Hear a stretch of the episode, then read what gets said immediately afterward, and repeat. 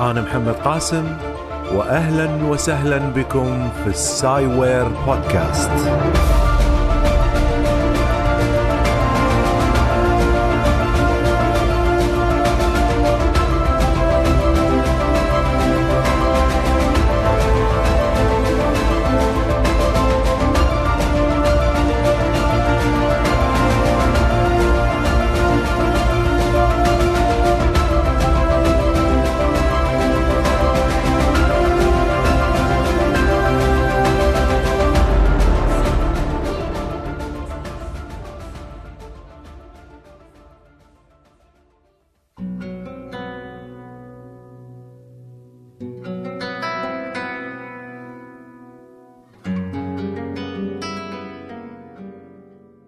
ولد طفل في بيت لأسرة غنية. في يوم توهج فيه نجم نحس في السماء فأصبحت عيناه شريرتان. لا ينظر بهما إلى شيء إلا ودمرتهما. بهما يمرض ويقتل الناس وإذا لم يغطهما ونظر بهما إلى قطيع من الأبقار قتلها كلها. أي شيء يمدح يهلك. ولسوء حظه توفي والداه الأغنياء من شدة حزنهما عليه. أطلق الناس في مدينته عليه اسم العين الشريرة.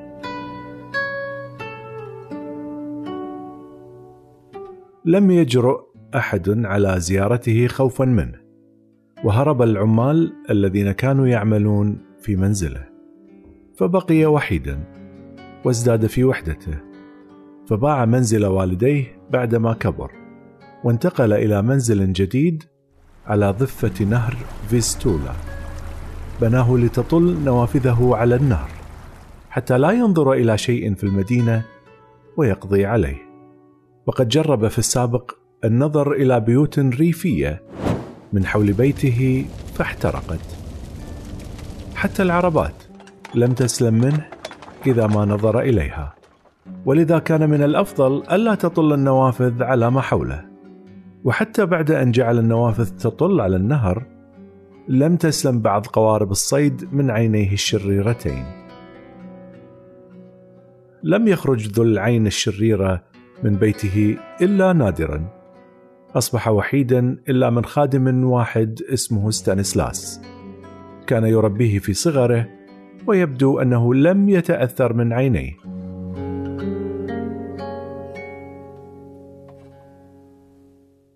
يحكى أن أحد الصيادين الشجعان أتى لمنزله ليشتكي. أخذه ستانسلاس إلى سيده حيث كان يأكل، رغم أن ستانسلاس كان خائفا من النتائج. تضايق السيد من حضور الصياد في ذلك الوقت، فنظر إليه وهو عابس، وإذا بالصياد يتوقف عن الكلام ويقع على الأرض مغشيا عليه. فأخرجه الخادم إلى قاربه وقدم إليه بعض المال ومرض الصياد لفترة طويلة من الزمن. وبعد أن تشافى أخبر اصدقائه الصيادين بما حدث له. فلم يجرؤ أحد على المرور أمام منزل العين الشريرة بالقارب وإذا حدث وأن مر أحدهم به لم ينظر إلى منزله ودعا الله أن يحميه من عينيه.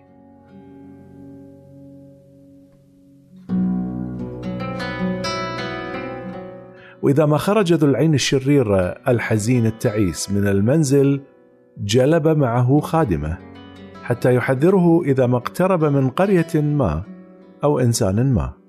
وإذا مر على قرية أو بشر أنزل رأسه لينظر إلى كومة قش أسفل رجليه لكي لا يؤذي شيئا من حوله. لقد جلبت له عيناه الانعزال والتعاسة المطلقة. قضى السيد سنينا منقطعا عن الناس وبعد فترة من انقطاع الناس جميعا عنه وفي يوم من أيام الشتاء العاصف حيث جلس مع ستانسلاس وإذا بهما يسمعان صراخا خارج المنزل رجل ينادي يطلب المساعدة فخرجا معا وإذا بعربة مقلوبة على الطريق الثلجي شيخ كبير في السن وزوجته التي أغمي عليها. وابنتهما الجميلة. ساعد السيد وخادمه ستانسلاس الأسرة وأدخلاهم إلى المنزل فأكرمهم السيد كرما كبيرا. وسعد جدا لوجود ضيوف في منزله فنفض عن نفسه الحزن والتعاسة شيئا ما. سهر ذو العين الشريرة متأخرا في الليل يفكر. شعر وكأنه مجرم سجن في منزله رغم أنه لم يرتكب أي جريمة. ولم يضر بأحد بقصد. وتمنى من الله لو يزيل منه عينيه. في اليوم التالي لم يستطع الضيوف المغادرة لأن زوجة الشيخ كانت مريضة. فسعد السيد لبقائهم مدة أطول. وبعد أسبوع من بقائهم معه في منزله تحسنت صحة الزوجة.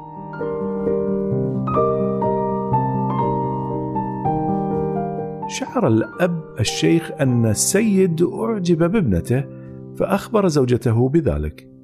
وفي ليلة من الليالي طلب السيد يدها من أبيها فوافق الأب مباشرة حتى أنه لم يطلب أي مهر لها فتزوجا بعد ذلك بأشهر وغادر الأبوين.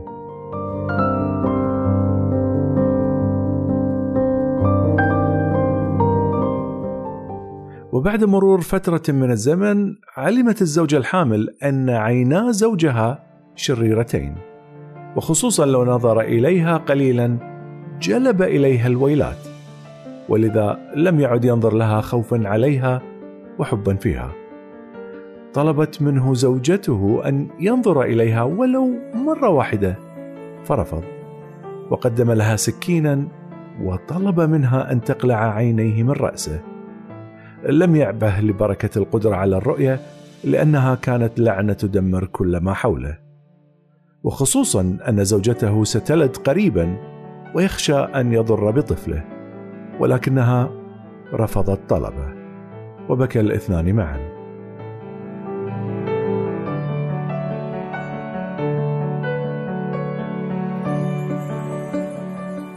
وفي يوم من الأيام علت في المنزل صرختان.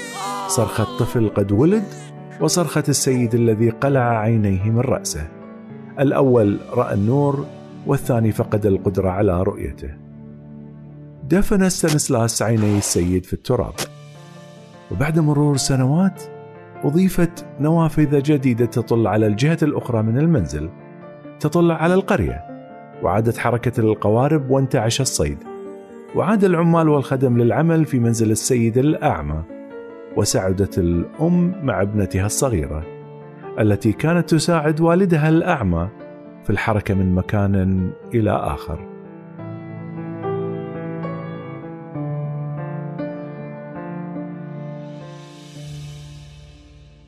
في يوم من الأيام أراد السنستاس الكبير في السن أن يعرف ما الذي حدث للعينين اللتين دفنهما هل هلكتا؟ ذهب إلى المكان الذي دفنهما فيه وحفر فوجد عينين متفحمتين وإذا بهما يبرقان وبمجرد أن أصابت عيني السيد الضامرتان وجهه المجعد سقط على الأرض ميتا كانت تلك المرة الوحيدة والأخيرة التي أصابت العينان خادم السيد وأضرت به. لقد كان سيده يحبه حبا جما، فقاوم قلبه إصابة ستانسلاس بعينيه. ولكن العينان الآن أصبحتا حرتان، لا تتعلقان بتأثير قلب السيد، فأصبحتا أكثر شرا، فقتلت الخادم الطاعن في السن. حزن السيد على خادمه حزنا شديدا ودفنه فأصبح قبره مزارا يدعو عنده الصيادون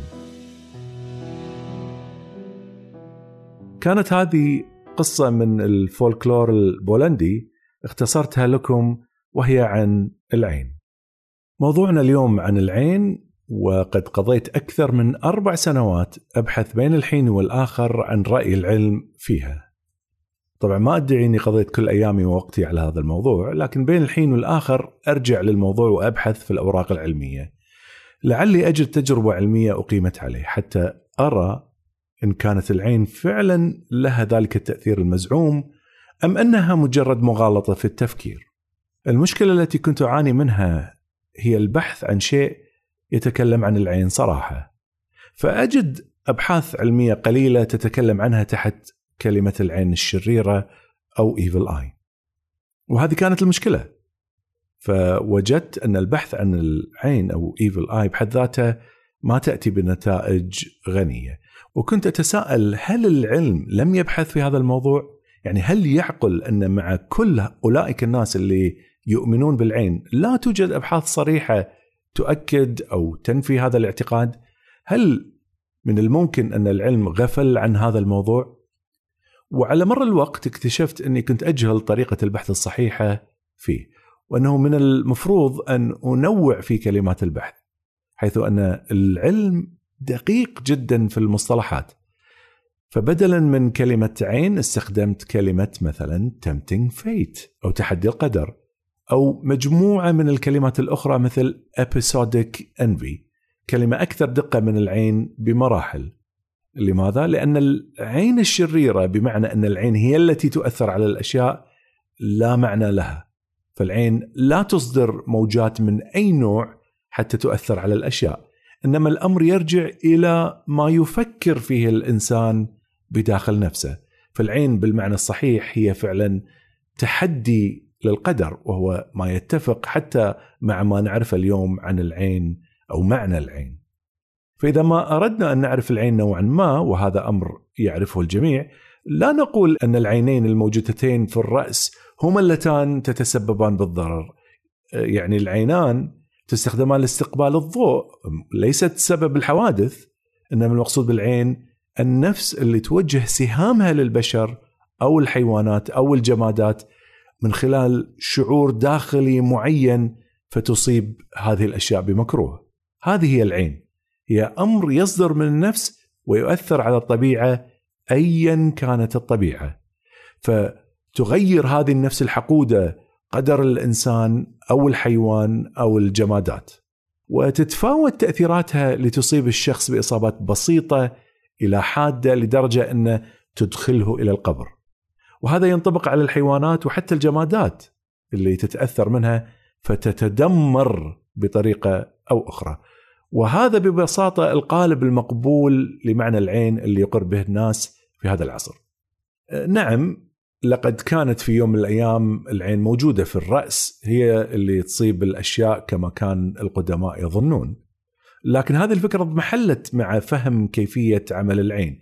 هي تستقبل الضوء ولا تطلقه ولذلك أصبحت كلمة العين تعني أمر داخلي ما له علاقة مباشرة بالعين البيولوجية وأتمنى من المستمعين اللي يظنون أن العين يقصد بها العين الحقيقية يراجع هذا الموضوع لأنه منتهي من أيام ابن الهيثم.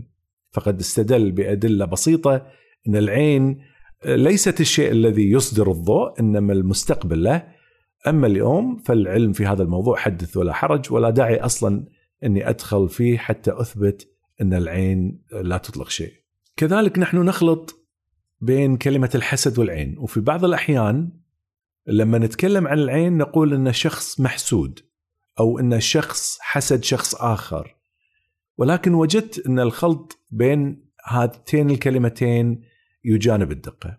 فالحسد هو شعور داخلي يشعر الإنسان فيه ويتمنى زوال النعمة عن الطرف الآخر وفي نفس الوقت يقوم بعمل فعلي يضر بالشخص الآخر، يعني مثلا أنت على وشك الحصول على ترقية في عملك فعلم زميلك بهذا الشيء وشعر إنك ما تستحق هالترقية وإنه هو المستحق هذا حسد داخلي يذهب إلى رئيسك في العمل ويحاول أن يثنيه عن ترقيتك ويقنعه بأنك ما تستحقها. هنا لم يكتفي الشخص على الشعور الداخلي إنما قام بشيء فعلي أثر عليك. العين تختلف في أن الشخص اللي يشعر بالحقد عليك لا يحتاج أن يتدخل بأي فعل طبيعي للتأثير. الشعور الداخلي يترجم إلى تأثير خارجي بشكل خفي. يصل تأثيره بشكل أو آخر عليك وتصاب بالمكروه. من غرائب العين أن ما لها توقيت معين في تأثيرها ولا لها درجة معينة من الشعور النفسي اللي يجعلها مؤثرة وقدرتها تتفاوت بين تأثير يكاد يكون معدوم إلى ما لا نهاية من التأثير السلبي. وأيضا العين ما تضبط في كل مرة واحيانا صاحب العين غير موجود يكفي أن نعرف أن هناك خلل ما حدث فنقول أنك مصاب بالعين. يعني مثلا تلاحظ أن العين تؤثر بعد لحظة زمنية مباشرة بحيث أن الشخص يرى حصان جميل مثلا فيقول عجيب ومباشرة بعدها يسقط الحصان على الأرض. أو مثلا بإمكان الشخص انه يظهر إعجابه بمزرعة وبعد عشرة أيام تذبل كل محتوياتها. فتأثير العين يأخذ ثانية أو عشرة أيام. والأغرب أحيانا أن العين لها تأثير يرجع بالزمن إلى الوراء. فمثلا تجد شخص يشاهد مباراة كرة قدم بالبث المباشر على التلفزيون لكأس العالم في البرازيل وهو في الكويت مثلا. المسافة بين الكويت والبرازيل 11500 كيلومتر. لما يقترب المهاجم المتفرد بالكرة بالقرب من الهدف ما في أحد حوله لصد هجمته يركل الكرة بقوة ناحية مرمى الهدف وإذا بشخص يشاهد التلفزيون يصرخ جول بلحظة زمنية قصيرة جدا فتصدم الكرة بالعمود ولا تدخل الهدف. فكل الحاضرين يتهمونه عنده عين مع العلم إنه في الوقت اللي صرخ فيه لما قال جول أتى بعد أن ضربت الكرة العمود في البرازيل. الحدث مر عليه ثواني بسيطة في البرازيل قبل وصول البث إلى تلفزيون الكويت لأن الإشارة أخذت وقت على ما وصلت إلى الكويت. يعني متخيلين يعني هو شخص جالس أمام التلفزيون ويصرخ هذه الصرخة فتحتاج صرخته أو تأثيره يصل إلى البرازيل وبعدين ينعكس على اللاعب ثم البث يصل إلى الكويت. لكن والبث وصل بعد ما حدث الحدث قبلها بثواني. يعني هو قال شيء واتهم بأنه حسودي والحدث حدث قبل أن يحسده. آه، فهذا شيء غريب يعني بس في ناس تعتبره يعني معقول. ما أدري. Anyway. فالعين أصابته بأثر رجعي. وكذلك إذا نظرنا في نفسية الشخص ذو العين سنجد إن انفعاله أحيانا يكون بقوة واحيانا يكون بضعف شديد يعني لا تهم درجة الانفعال مع شيء لكن يكون تأثير العين قوي أو ضعيف بالرغم من ذلك. أما عن تأثير العين على الأشياء فايضا هذا يتفاوت من انقطاع عقد جميل وسقوط حباته أو سقوط شخص على الأرض أو كسر يد أو موت حيوانات كثيرة في مزرعة أو الإصابة بالسرطان أو انقلاب سيارة أو حتى انفجار ضخم. درجة تأثير العين على الأشياء متفاوت إلى أقصى الحدود وأنواع الأمراض ما لها حد ولكن في نفس الوقت تجد أن هناك شخص يقول أن هناك أعراض للإصابة بالعين مثل التعرق والنفس الشديد وما شابه. لماذا لم يدخل كسر اليد أو السرطان أو القولون أو ما شابه من أمراض متعددة في أعراض العين؟ أمر محير. يعني هناك أعراض له ولكن هناك أيضا أشياء أخرى مثل السرطان. شخص يصاب بالسرطان بسبب العين فليش هذه ما دخلت من ضمن الأعراض مثل التعرق والنفس الشديد؟ لا أعلم.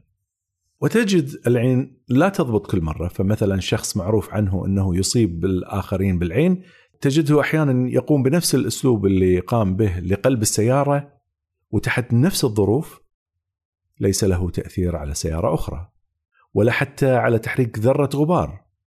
أيضا هذا يعني صورة متناقضة آه، لما يعتقد عن العين. وكذلك من الناس من إذا رأى بك علة يقول لك أنك مصاب بالعين من غير الحاجة لأن يكون هناك شخص معين له أي دور مباشر يؤثر بك.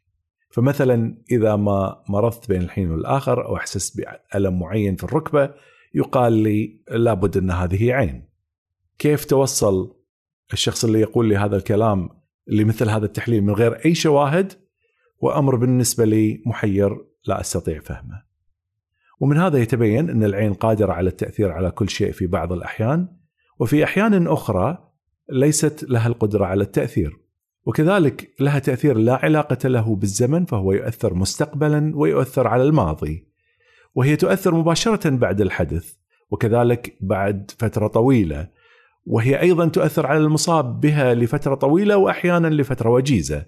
وكذلك لها القدرة على قطع سلسلة عقد لتسقط حباته أو تؤثر لتكون انفجار ضخم. والعين تصيب الإنسان بأعراض محددة ولكن في نفس الوقت ليست له حدود في الأعراض. تعريف شامل كامل متناقض أن تعرف الشيء بأنه كل شيء فكأنك لم تعرفه ابدا ولكن مع ذلك أنا أقبل هذا التعريف ونستمر في المعلومات.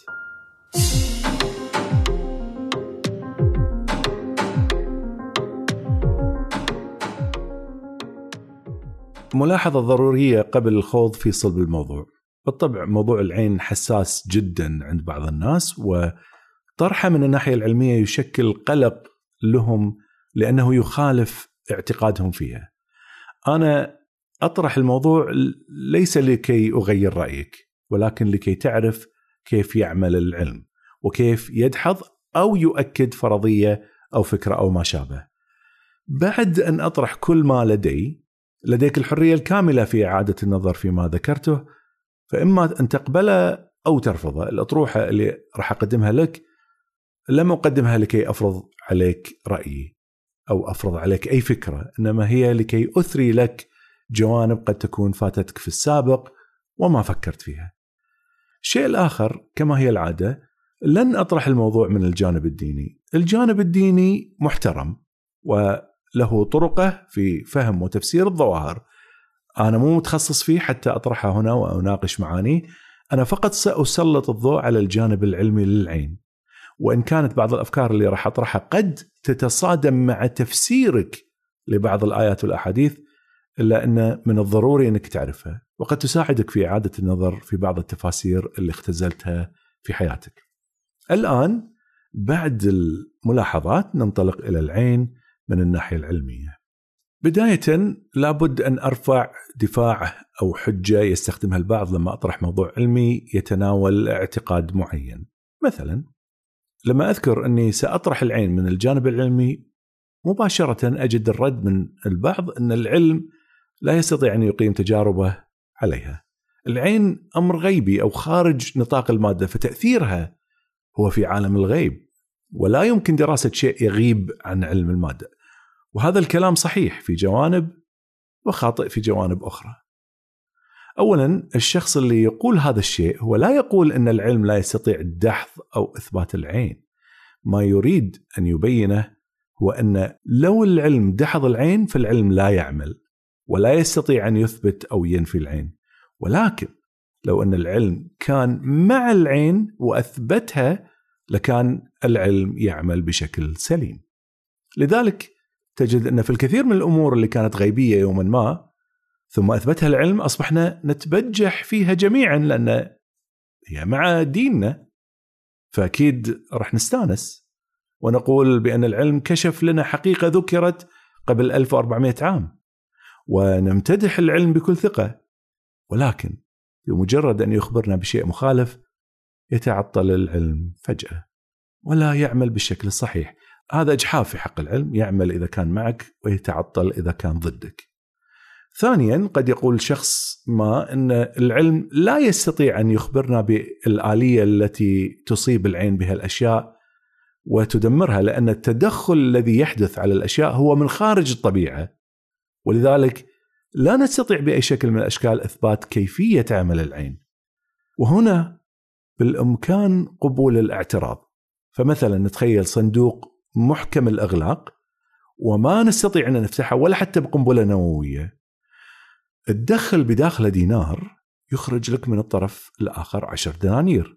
أنت وضعت دينار وهذا شيء تعلمه وتستطيع أن تجربه وخرج لك من الطرف الآخر عشر دنانير وهذا أيضا شيء تعلمه وتستطيع أن تجربه. ولكن لا علم لك بكيفية تحويل الدينار إلى عشرة. وستظل مدى حياتك تستخدم الجهاز تقدم له مدخلات وتخرج مخرجات ولكن لن تعرف كيف يحدث هذا الأمر وهذا أمر مقبول تماما. لكن في مقابل ذلك هناك أمران انت تستطيع معرفة كيفية عملهما. المدخلات والمخرجات. حتى ترى إذا كان الصندوق فقط يحول الدينار إلى عشرة تستطيع أنك تجرب تضع ورقة بيضاء لترى ما يخرج من الصندوق. ومن الممكن أن يعطيك عشر أوراق بيضاء مثلا أو من الممكن أنك تجرب إدخال الماء.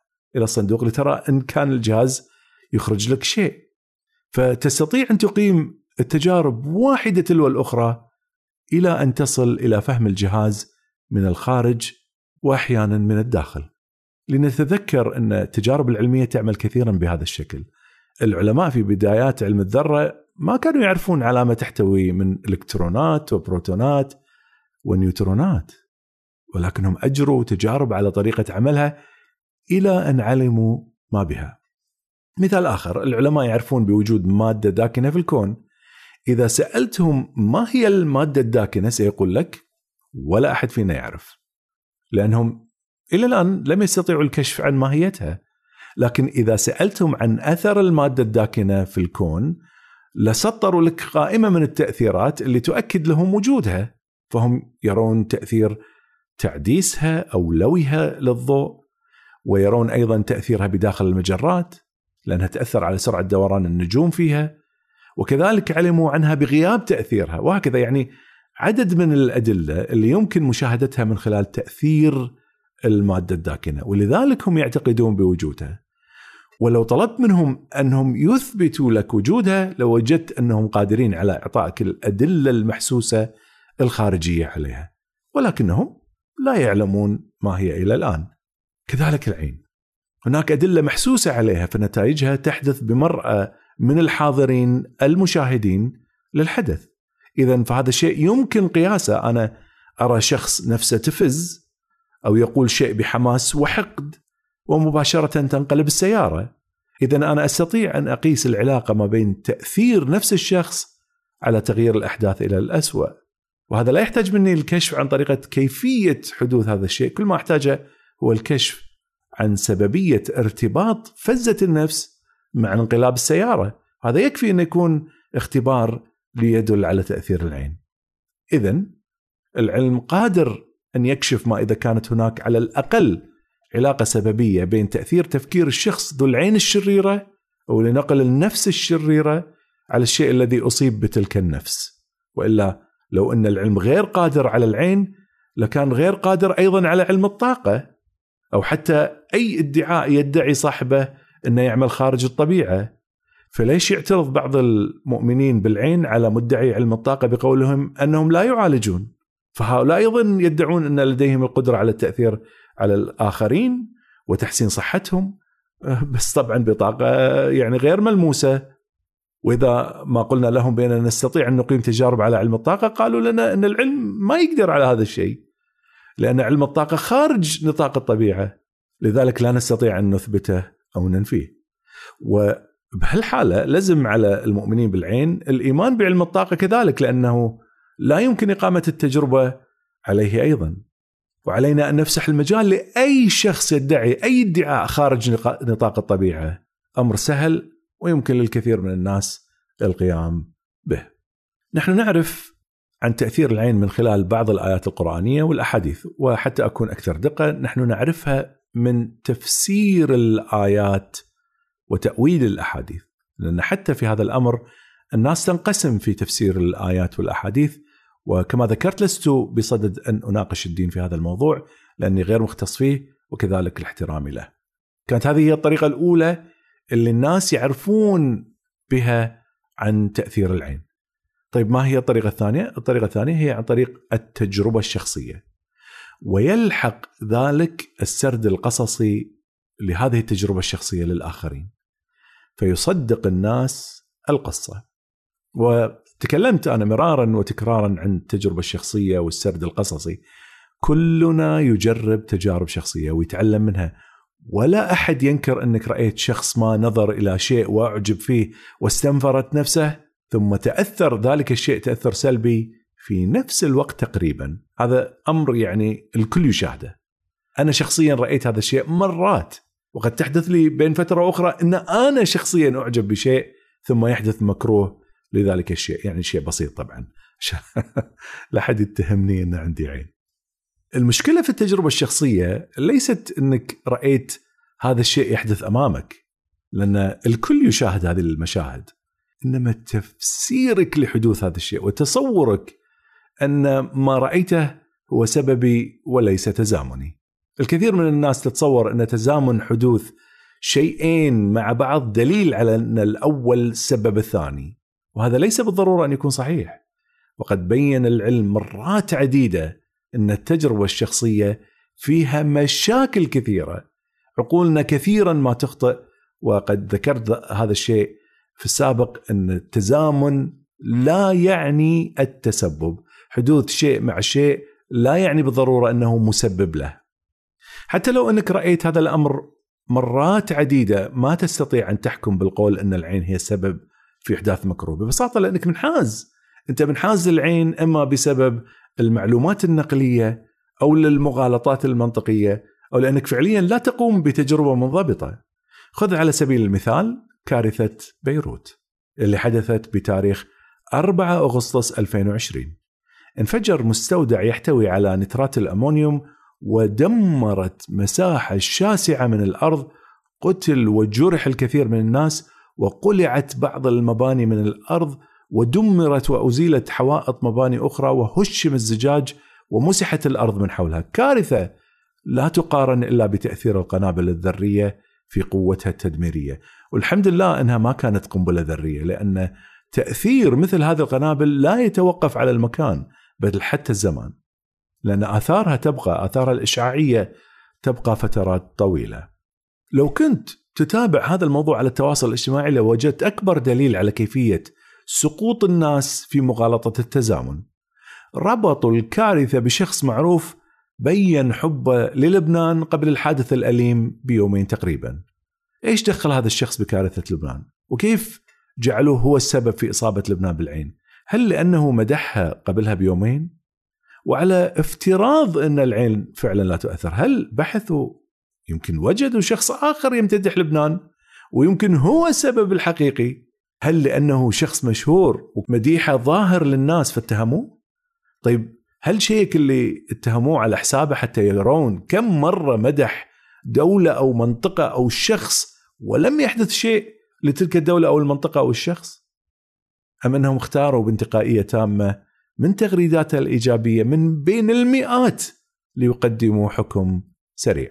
هذه مغالطة أخرى يجب الانتباه لها وهي مغالطة الانحياز التأكيدي وهو أننا ننتقي ما يتوافق مع اللي نعتقده ونترك ما لا يتوافق معها أه، كما ذكرت لو تروح إلى حساب ذلك الشخص لوجدت أنه إيجابي إلى أقصى الحدود وكلماته دائما معبرة عن حبه للدول وللناس وكثيرا ما يمتدح ما يحبه ومع ذلك ما تشوف لامتداحه أشياء سلبية فليش انتخب الناس تغريدة أو تغريدتين حتى تكون دليل على أن عينه حارة؟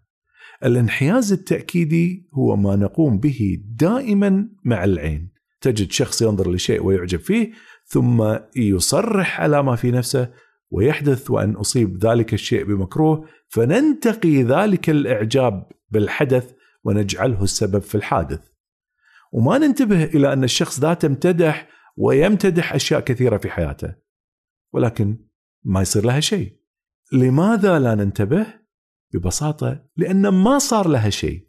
ما كان هناك حدث عنيف يثير عواطفنا. وبما أن العواطف تؤثر على حفظ المعلومة نتجه لحفظ الحدث المؤثر وننسى تماما الأحداث الاعتيادية. راح نكون متيقظين لأحداث سلبية من هذا النوع. حتى إذا ما صدرت أي كلمة إيجابية من شخص وحدث أمر سلبي نسجلها له في كل مرة. وتدريجيا نتهمه بأنه شخص سيء ونتفادى التعامل معه. ونخفف من إظهار أي أمور إيجابية أمامه. ونحذر منه ونكره الناس فيه. وفي حالة ذلك الشخص المشهور نتنمر عليه بالتواصل الاجتماعي. حتى ضاقت عليه نفسه من ردود الناس. وهو ما له ذنب ولا أثر لعينيه على شيء. مجتمع يظلم من غير دليل.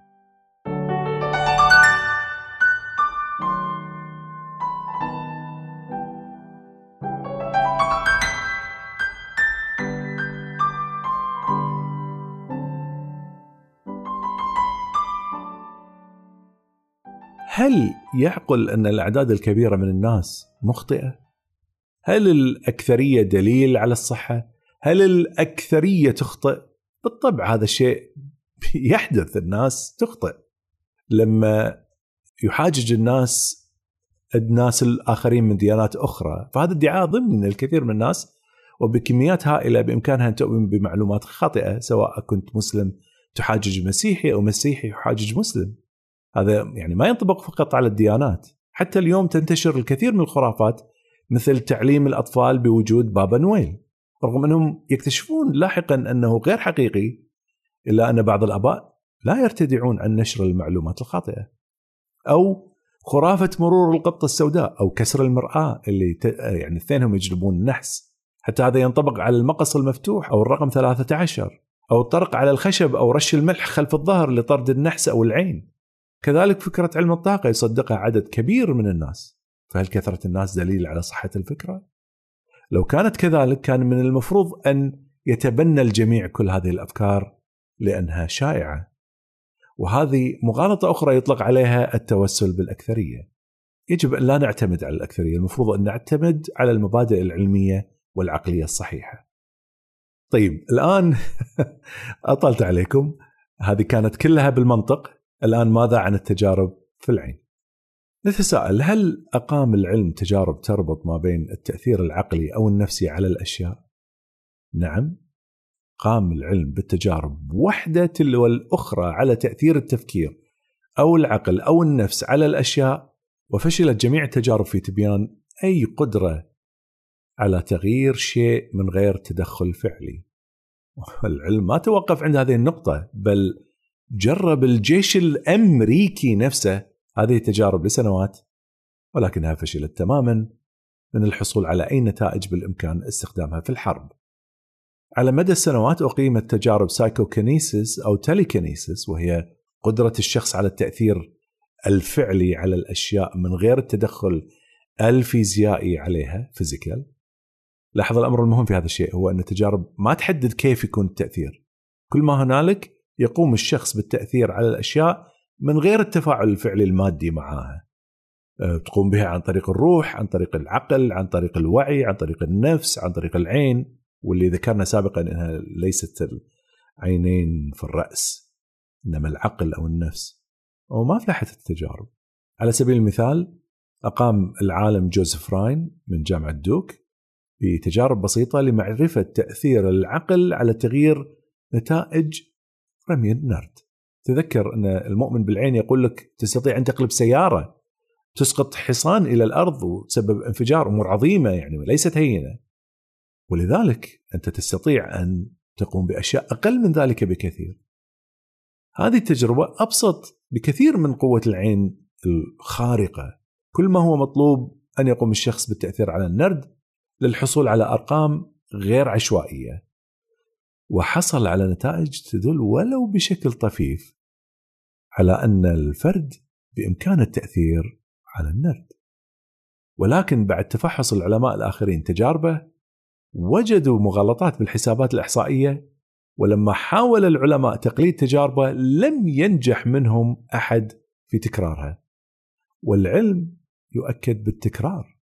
فإذا كانت تجارب فاشلة بل حتى الجيش الأمريكي حاول أن يستغل التأثير بالعقل أو النفس على الأشياء لصالحه في الحروب. قرأت مجموعة من الوثائق الموجودة على صفحات السي آي عن هذا الموضوع، الأوراق طبعا قديمة وبعضها يرجع للثلاثينات، ووجدت ورقة ترجع إلى 1974 أوراق كانت سرية رفعت عنها السرية تقريبا عام 2003 كانت تبين إمكانية وجود تأثيرات للتفكير على الأشياء أو على المجال المغناطيسي وأمور حساسة ولكن في عام 1984 طلب الجيش الأمريكي من الأكاديمية الوطنية للعلوم تقصي موضوع السايكوكينيسيس. كانت فكرتهم أنهم يريدون أن يعرفوا هل يستطيعون أن يستخدمونه في تشويش رادارات الأعداء؟ وبعد مرور ثلاث سنوات من البحث خلصت الأكاديمية المرموقة إلى أن التأثير العقلي عن بعد لا وجود له من الناحية العلمية. يعني ماذا يحدث لو أن هناك أشخاص فعلا عندهم عيون شريرة؟ ما تعتقد أن الدول القوية ستستخدمهم لصالحها؟ حتى على افتراض لو أن العين لا تصيب في كل مرة، اعتبر أن الآن عندنا مجموعة من الأشخاص عيونهم مو كل مرة تصيب. وحتى إذا قلنا أن الشخص ما عنده أي تحكم في عينه يعني هي فزه وتصدر بصدره وتنطلق هذه هذه القوة ولكن إحنا متأكدين تماما لو أننا جمعنا ألف شخص وطلبنا منهم التركيز على دولة ما عدوة لتدميرها وكرروا هذا الشيء عدة مرات ألف. ونجح شخص واحد من بين الألف بالفتك بالدولة الأخرى لما احتاجت الدول لصرف ميزانيات هائلة لتكوين جيوش. ولا ما صرفت مبالغ طائلة لإنتاج السلاح المطور سنة بعد سنة. تستطيع أن تعطي كم مليون دولار لكل شخص من أصحاب العيون الشريرة وحتى مع صرف ملايين على هؤلاء راح توفر الدول مليارات الدولارات لأن السلاح غالي أغلى بكثير. الطريقة الوحيدة اللي بإمكاننا استخدام التأثير العقلي على الأشياء هو بوضع أجهزة تقرأ إشارات المخ إما بداخل المخ أو على جلدة الرأس. تذكرت شغلة مهمة. أنا عندي الآن سوري أقطع سلسلة الأفكار. أنا حاليا أعمل بودكاست اسمه بودكاست دبي المستقبل. روحوا له نزلوه عندكم إذا حابين تستمعون لبرامج أيضا أقدمها علمية. هذه البرامج مدتها 15 دقيقة إلى 20 دقيقة إلا إذا كانت مقابلات طبعا تصير أطول. فإذا حابين موضوعات علمية زيادة موجودة هناك بصوتي وبإعدادي وبتجهيزي وكل شيء. فروحوا لها. المرة القادمة هذا الأحد القادم سأنزل حلقة عن إيلون ماسك لأن يوم الجمعة راح يعرض شيء جديد للنورا لينك الأجهزة اللي تركب بالمخ ويقرأ إشارات منها. تذكرت لأني الآن أتكلم عن هذا الموضوع. فتابعوا الحلقات. المرة الماضية تكلمت عن ستار لينك الأقمار الصناعية اللي في الفضاء. أما يوم الأحد القادم سأنزل حلقة جديدة وهي تنزل كل أسبوعين مرة.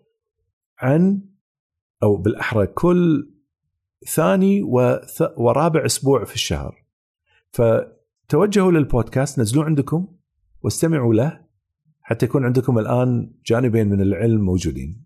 نرجع. فاذا حتى تستطيع أن تقرأ الإشارات من المخ إما تركب شيء فوق أو بالداخل والأجهزة اللي تركب على الرأس حساسة جدا تلتقط إشارات كهربائية ضعيفة ضعيفة إلى أقصى الحدود. ولولا حساسية هذه الأجهزة لما استطعنا التقاط الإشارات، لا يعني حتى الإشارات اللي توصل لجلدة المخ مشوشة تماما والأجهزة اللي تقرأها تحلل الإشارات المعقدة اللي تشوفها الكثير من التداخلات لتخرج بنتيجة يعني مليئة بالأخطاء وغير دقيقة، اذا حتى هذه الإشارات ما تقدر تتكل عليها لتعليل العين. أوكي لنفترض أن بعد كل هذا أنت غير مقتنع وتقول لعل العلم يستطيع أن يكشف لنا يوما ما إشارات مختلفة وهي السبب في في التأثير على الأشياء، فصحيح أن العلم جرب لكن الأجهزة لا تستطيع أن تقيس قدرة العين على على توجيه سهامها إلى الضحية. الجواب ما انتهينا بعد العلم لا يتوقف عن تجارب العين اللي فشلت فلو أن العين لها هذا التأثير لحصلت كارثة علمية عظيمة.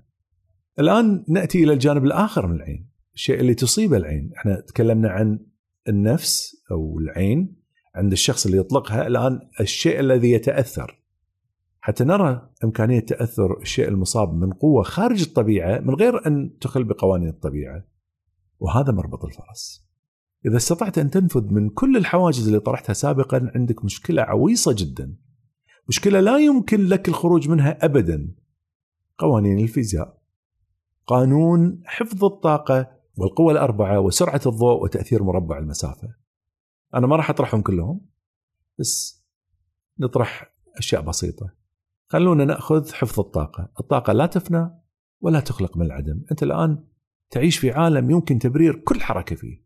الطاقات تتحول من طاقة كهربائية إلى طاقة استاتيكيه ثم إلى طاقة حرارية وهكذا. يعني نتساءل بأي طاقة من الطاقات استطاع ذو العين أن يقلب السيارة أو حتى يحرك ذرة.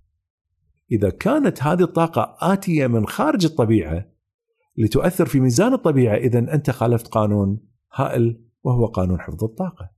وبهذا في كل مرة تستنفر نفس شخص على الكرة الأرضية يدخل طاقة ما كانت موجودة في الكون أتت من جهة خارجية وبهذا يصبح قانون حفظ الطاقة ما له معنى. وهذه أول مصائب. بعد ذلك عندك مشكلة ثانية وهي القوة المعروفة في الفيزياء. هناك أربع قوة عندها قوانين دقيقة جدا جدا. نستطيع أن نحسبها بدقة خطيرة وهذه القوة هي الجاذبية والكهرومغناطيسية والقوة النووية الضعيفة والقوة النووية القوية كلها معروفة. وبناء عليها نصنع أجهزة قياس لمعرفة تأثيراتها. لو أن أي قوة مختلفة كانت موجودة وتؤثر على النظام الكوني من أصغر شيء إلى أكبر شيء لكانت جميع أجهزة القياس غير صالحة للاستخدام لأن في كل مرة راح تعطيني قياسات مختلفة ليست من ضمن القوانين اللي بنيت باستخدامها عارفين شلون؟ فاهمين الفكرة؟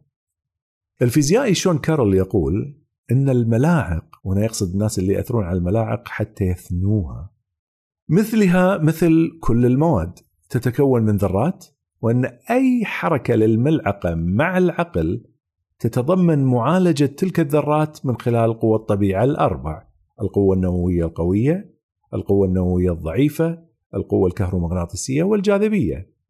يجب أن يكون التحريك النفسي إما شكلا من أشكال إحدى هذه القوى الأربع أو قوة جديدة لها جزء من المليار من قوة الجاذبية.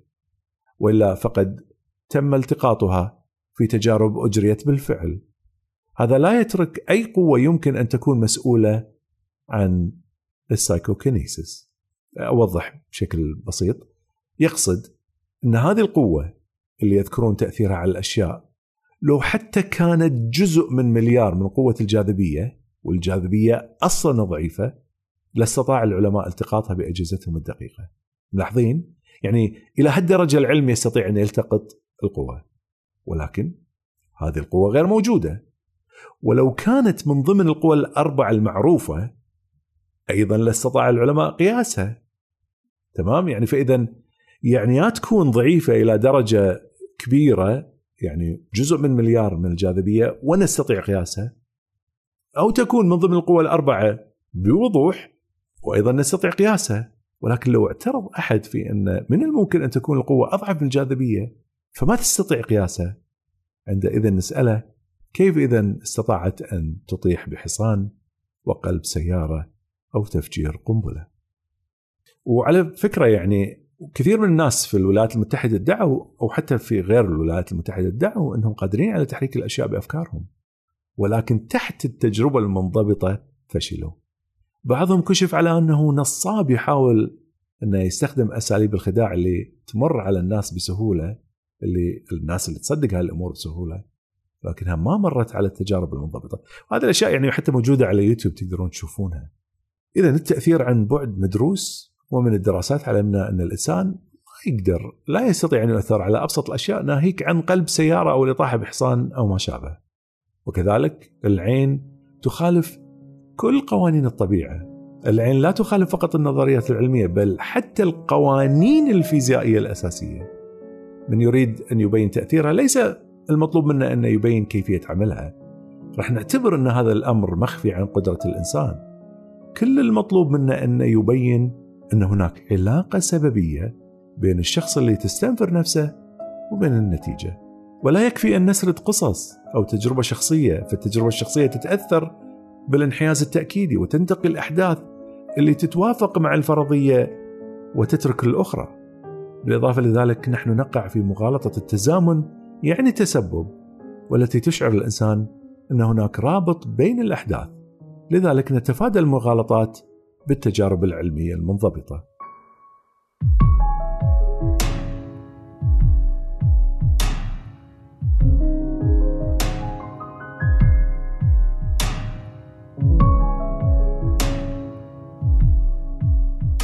دراسة علمية نشرت في مجلة Proceedings of the National Academy of Sciences التابعة للولايات المتحدة الأمريكية بينت أن لما ينظر شخص بعينه إلى شيء يشعر الآخرون أن هناك حركة بصرية تخرج من عينيه.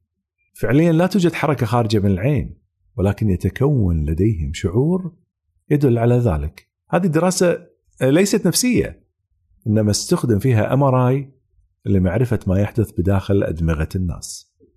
تذكر الورقة أن من أهم الأمور لقراءة ما يفكر به وينويه الآخرون معرفة إلى أين ينظرون الدراسات تبين أننا نكون نموذج ضمني لنظر الآخرين بنظرة ثاقبة ونكون صورة تخيلية لأشعة متمددة تحمل قوة من عين الشخص أو أنها قوة تجري من عين شخص إلى الشيء الذي ينظر إليه. اتضح من البحث إن مخ الإنسان وكأنه يرسم أسهم خارجة من العين. لماذا؟ لأن حتى يفهم الشخص إلى ما ينظر إليه الآخر. وهذا الشيء يفسر استخدام الكثير من الناس لكلمة سهام تخرج من العين لتبيان أثر العين. هذه السهام هي صور تخيلية تتكون في داخل المخ اوتوماتيكيا ولها أهمية في العلاقات الاجتماعية وتذكر الورقة أيضا أن الناس في الغالب ما تشعر أنها تتكون في الذهن وفي نفس الوقت اللي تتكون في هذه الصورة الداخلية يشعر البعض أن هناك قوة ناعمة تؤثر على الأشياء.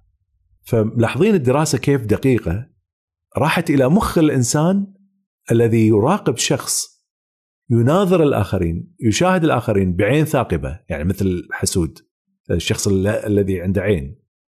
فأنا مثلا ممكن أراقب شخص عنده عين وأشوف عينه إلى أي جهة تنظر وبداخل مخي هناك تصور يحدث عندي أن عينه تطلق سهام أو موجهة بسهم إلى جهة معينة وكأن فيها قوة ناعمة تؤثر على الأشياء. تفسير رائع يعني صراحة. ليش إحنا نشعر هالشعور؟